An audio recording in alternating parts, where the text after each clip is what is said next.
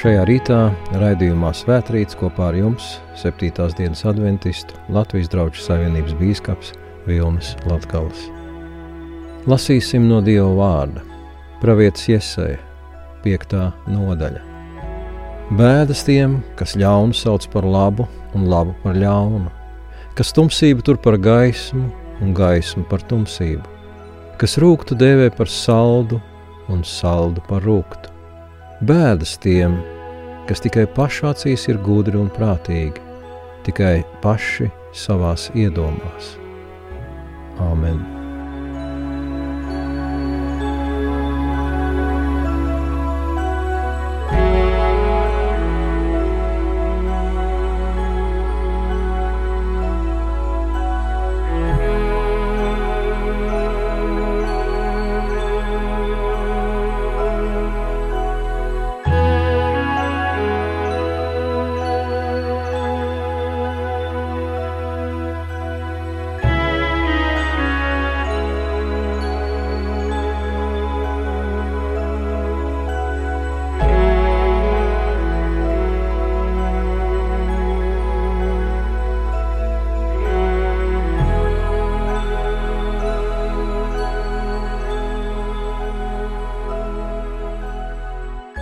Reizēm cilvēkiem rodas jautājums, kas ir kristietība? Kāda ir kristietības būtība? Ja man būtu īsi jāatbild uz šo jautājumu, es teiktu, ka kristietībai ir trīs pamatakmeņi, jeb trīs balsti. Pirmais ir ticība. Ticība, kas nāk no Dieva vārda, no Dieva atklāsmes. Un ticība nozīmē to pašu, ko uzticēties. Otrais pamata akmens ir Dieva vārds. Jeb atklāsme, Bībele saka, jo ko par Dievu var zināt, to Dievs pats cilvēkiem atklāja. Arī Mārtiņš Luters ir sacījis, sola skriptūra, tikai raksti atklāja Dievu un patiesību. Un trešais pamatakmens tās ir attiecības ar Dievu. Tā ir mūsu saruna, lūkšanā, tā ir sekošana Jēzum Kristum, un tas ir viss mūsu dzīvesveids – un izpratni par šo pasauli un arī par nākamo. Ticība. Vēstulē ebrejiem 11. nodaļā varam lasīt, jo ticība ir stipra paļaušanās uz to, kas cerams, pārliecība par neredzamām lietām. Jo tanī stāvēdami tēvi ir saņēmuši liecību, jeb atzinību. Jo ticībā mēs noprotam, ka pasaule ir radīta Dieva vārda spēkā – ka no neredzamā ir cēlies redzamais. Ticība ir pārliecība par neredzamām lietām. Ja mēs paļaujamies tikai uz to, ko mēs redzam, tad mūs bieži vien var pievilt. Ticība ir saņēmusi atzinību arī no Dieva jau senos laikos, un joprojām cilvēki to turpina saņemt arī mūsdienās. Un tikai ticība ir tā, kurā mēs spējam izprast šīs varenās atklāsmes, kuras mums sniedz Bībele. Bībele sevī ietver unikālu informāciju. Pirmkārt jau par radīšanu pašā tās sākumā, par Dievu, par viņa esamību. Nākošais, ko Bībele mums atklāja, tās ir morāls normas, kuras mēs citur nevaram atrast tādā veidā un koncentrācijā kā Dieva vārdā. Vēl Bībele mums atklāja, kāds ir noslēpums ilgspējīgām cilvēku savstarpējām attiecībām. Un par to runā arī Dieva desmit baušļi par attiecībām ar cilvēkiem un attiecībām ar Dievu. Tie ir pamatlikumi, pamatprincipi, kurus ievērojot, mūsu dzīve izmainās.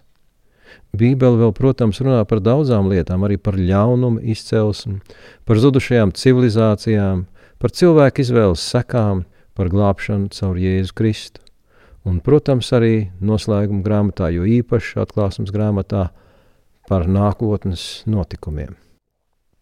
Bībele sniedz arī atziņa, kas ir ļoti būtiska mums visiem dzīvojot šajā laikā. Tā ir izpratne par labo un ļauno. Praviešu iesaistas grāmatas 5. nodaļa, 20. un 21. pants.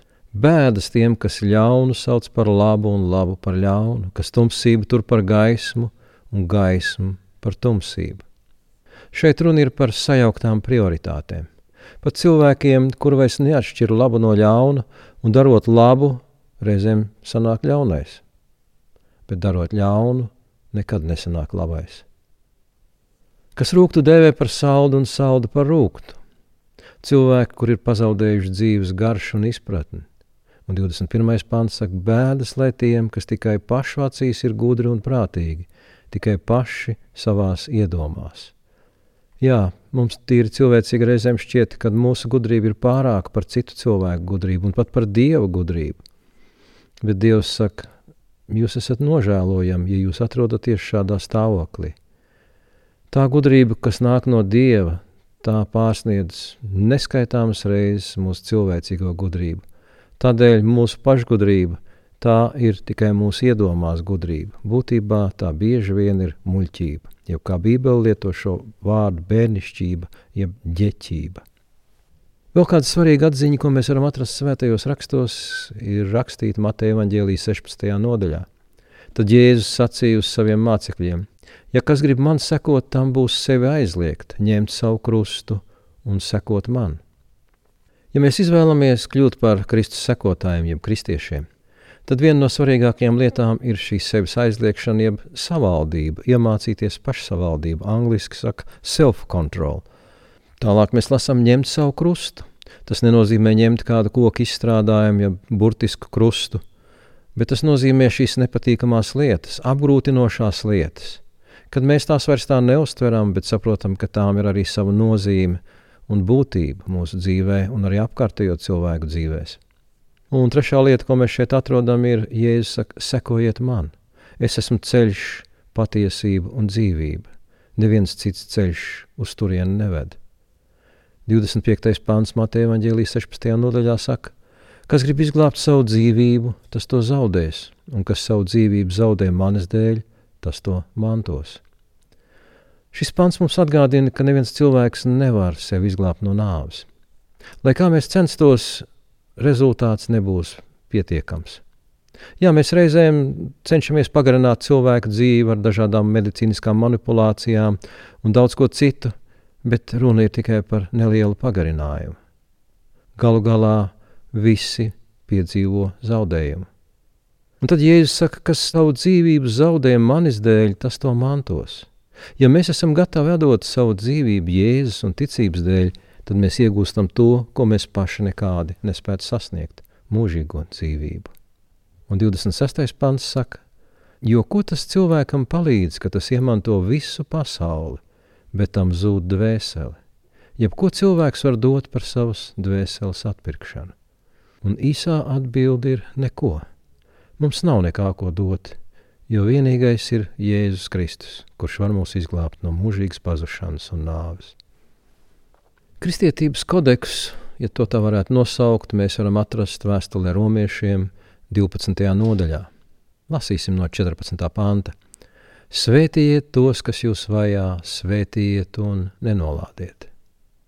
Jā, mēs sastopamies ar cilvēkiem, kuri reizēm nav labvēlīgi, kuri mūs pat var nolamāt un pat ir iespējams arī vajāšanas un dažādas negatīvas rīcības un darbības. Un šeit ir teikts, svētījiet un nenolādiet šos cilvēkus. Ko nozīmē svētīt? Tas nozīmē sacīt pretī kaut ko labu, kaut ko tādu, kas nāk no Dieva. 15. pāns mūs aicina priecājieties ar priecīgajiem un raudiet ar tiem, kas raud. Tas nozīmē, esiet līdzjūtīgi, esiet iejūtīgi un pacietīgi, esiet laipni un mīloši. 16. Turiet vienādu prātu cits pret citu, nesiet iedomīgi, bet sniedziet roku zemajiem. Šis pāns mums atgādina, ka visi cilvēki, mēs esam vienādi, visi esam mirstīgi, visi esam grēcīgi. Mums nav par ko lielīties vai izcelties citu vidū, Kaut gan bieži vien cilvēki to cenšas darīt. Un tādēļ šeit teikts, nesiet iedomīgi, sniedziet roku arī tiem, kur ir zemāki. Mēs vienmēr varam atrast kādus cilvēkus, kur ir augstāki par mums, un kādus, kur ir zemāki. Bet atcerēsimies, Dieva aicinājums ir sniedziet roku tiem, kas ir zemāki. Un jau šī doma, kur jau izskanēja, neliecieties paši gudri esam, Dieva vārds mūs aicina, ja kādam no jums trūks gudrības, tas lai lūdz no Dieva, un Dievs ir apsolījis dot to dāsni. Izmantosim šo iespēju, jo tāda gudrība, kāda nāk no Dieva, nekur citur nav atrodama. 17. pāns mums saka, neatmaksājiet nevienam ļaunu ar ļaunu. Tā ir ļoti būtiska kristietības pamatpazīme. Jēzus Kristus sacīja, ja kāds jums sit vaigā, tad pagrieziet otru vaigu. Ko tas nozīmē? Tas nozīmē nepretoties ļaunumam vardarbīgi. Ne ar spēku, ne ar varu, bet ar manu garu. Panest ļaunumu un tādā veidā sniegt šo liecību. Populārais teiciens dots pret dotu, jeb kā tu man, tā es tev, Bībele neatbalsta šīs idejas. Tieši otrādi - rādiet piemēru tiem, kas dara ļaunu, kā var neatmaksāt, kā var neatdarīt, kā var panest, kā var piedot, kā var izmainīties. Un tālāk Pāvils saka, domājiet par to, ka varat darīt labu visiem cilvēkiem. Patiešām, visi mēs esam brāļi un māsas šajā pasaulē. Ja mēs palūkojamies savos ciltsrakstos, tad tie visi aizved pie cilvēces pirmsākumiem, un pašā dziļākajā būtībā mēs visi esam radinieki. Tādēļ darīsim labu visiem, bet īpaši tiem, kam tas ir vajadzīgs šobrīd. Turpinājumā vēstulē romiešiem 12. nodaļā Pāvils raksta: Mīļie, neatriebieties paši, bet atstājiet vietu dieva dusmībai. Ja tavs ienaidnieks ir izsalcis, paēdini viņu, ja tas cieši slāpes, dod viņam dzert. Tā darīdams, tu sakrās uz viņa galvas kvēlojošus oglus. Mums nav jādomā par to, kā atmaksāt cilvēkiem par viņu slikto vai nepārdomāto rīcību, vai izteikumiem, vai pat apvainojumiem, vai vardarbību. Pāvils aicina atstāsim to dievu ziņā. Dievs to izdarīs vislabāk. Bet, ja tas cilvēks, kurš tev dara pāri, jeb kuru mēs varam uzskatīt par savu ienaidnieku, ir nonācis grūtā situācijā, tad esi viņam žēlsirdīgs. Ja nepieciešams, pāēdini, ja vajadzīgs, sniedz viņam arī kaut ko dzeramu vai apģērbu, visu to, kas ir šobrīd viņam svarīgs. Un Bībele saka, tā darīdams, tu uz viņa galvas sakrās kvēlojošas ogles. Šeit nav domāts, ka ogles nodedzinās matus no viņa galvas, un tādā veidā šī atriebība darbosies. Nē, tā ir doma par to, ka šim cilvēkam būs grūti panest jūsu attieksmi pret viņu. Viņš ir darījis ļaunu, bet viņam tiek darīts ar labu. Un tad cilvēka sirds un prāts salūst, un viņš padodas dievam un saka, jā, es arī tāpat vēlētos darīt. Tāpēc noslēgumā šeit 21. pants - ļaunums, lai tevi neuzvar, bet pats uzvari ļaunu ar labu. Un vēl kāda būtiska iezīme mūsdienu pasaulē, par ko mums atgādina Pāvils 1. vēstulē Timotejam 6. nodaļā.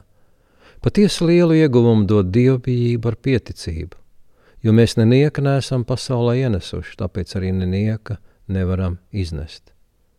Kāds cits ir sacījis, kaili mēs ienākam un kaili mēs aizejam. Patiešām, lai arī senos laikos centās valdniekiem likt līdzi kapām dažādas dārglietas un, un noderīgas priekšmetus, tomēr ir skaidrs, ka nekāda labuma no tiem viņiem nebija. Pāvils aicina uz vienkāršību. Astotais pāns, bet kad mums ir barība un apģērbs, tad ar to mēs pietiksim. Nedomāsim par visām tām bagātībām, kādas ir pasaulē. Gudrais vīrs Zālamans tā bija aizrāvies ar bagātības krāšanu, ka kļuva par pašu bagātāko un ietekmīgāko vīru tajā laikā. Bet arī viņš nonāca pie secinājuma, ka tā ir muļķība un vēja ķeršana. Devītais pants saka, kas grib tapt bagāts, krīt kārdinājumā un valgā, un daudzās bezprātīgās un kaitīgās iegribās, kas gāž cilvēkus postā un pazušanā. Patiešām šis kārdinājums ir liels, Un šie kārdinājumi ir visapkārt. Ir daudz bagātu cilvēku, ir daudz turīgu cilvēku, bet Dievs mūs aicina uz vienkāršību. Laimīgs cilvēks nav tāds, kuram nekā netrūkst. Laimīgs cilvēks ir tāds, kurš ir apmierināts ar to, kas viņam ir. Un bagātība nevar sniegt šo apmierinājumu. Turpinājumā, pirmajā vēstulē Timotejam, 6. nodaļā, Pāvils raksta 11. pantā. Bet tu, Dievu, cilvēks beidz no šīm lietām, beidz no šīm pasaules iekārēm, beidz no šīs sacensības pēc mantām, bet dzenies pēc taisnības, dievbijības, ticības, mīlestības, pacietības, lēnprātības. Citos tūkojumos ir teikts, tiecieties, jeb tiecies, tiecies pēc taisnības, pēc godīguma, tiecies pēc dievbijības un pazemības, tiecies pēc ticības un tiecies pēc mīlestības un labestības, un tiecies arī pēc pacietības, un šī lēnprātība, kas būtībā ir ļoti būtiska īpašība, kas cilvēkam ļauj panest grūtības. 12. pāns mūs aicina cīnīties labo ticības cīņu, satver mūžīgo dzīvību, uz ko tu esi aicināts. Ticība ir saistīta tomēr ar cīņu, jo tā ir atteikšanās, tā ir sevis aizliekšana, tā ir sekošana Jēzum Kristum, tā ir paklausība Dievam. Un tad šis aicinājums satver mūžīgo dzīvību, uz ko tu esi aicināts. Tas ir tavs dzīves aicinājums, tā ir tava dzīves jēga un būtība. Tas ir tas mērķis, kādēļ tu dzīvo šajā pasaulē. Tas nav mantas, tās nav izprieces, bet tā ir mūžīgā dzīvība. Un tālāk Pāvils saka, apliecini šo savu ticību arī citu cilvēku priekšā, jeb esi citiem par piemēru. Mācītājs Īzaks Kleimans sacīja, ja tu neredzi nevienu atdarināšanas vērtu piemēru, tad kļūsti pats par tādu. Mums ir izcils piemērs - Jēzus Kristus. Viņu patiešām ir vērts iepazīt. Viņu patiešām ir vērts atdarināt. Ir vērts tiekties viņam līdzināties. Mēs viņu varam iepazīt Dieva vārdā. Mēs varam izvēlēties viņam sekot un kļūt par Kristus sekotājiem, jeb kristiešiem. Mēs varam mācīties no viņa katru dienu, un mēs varam viņam uzticēties. Jo tas, ko viņš sola, tas ir piepildījies, piepildās šodien, un piepildīsies arī nākotnē. Tas ir pašas labākās izvēles, kādas mēs varam izdarīt šajā dzīvē. Jeb kā Dieva vārds saka, dari to, un tu dzīvosi. Āmen!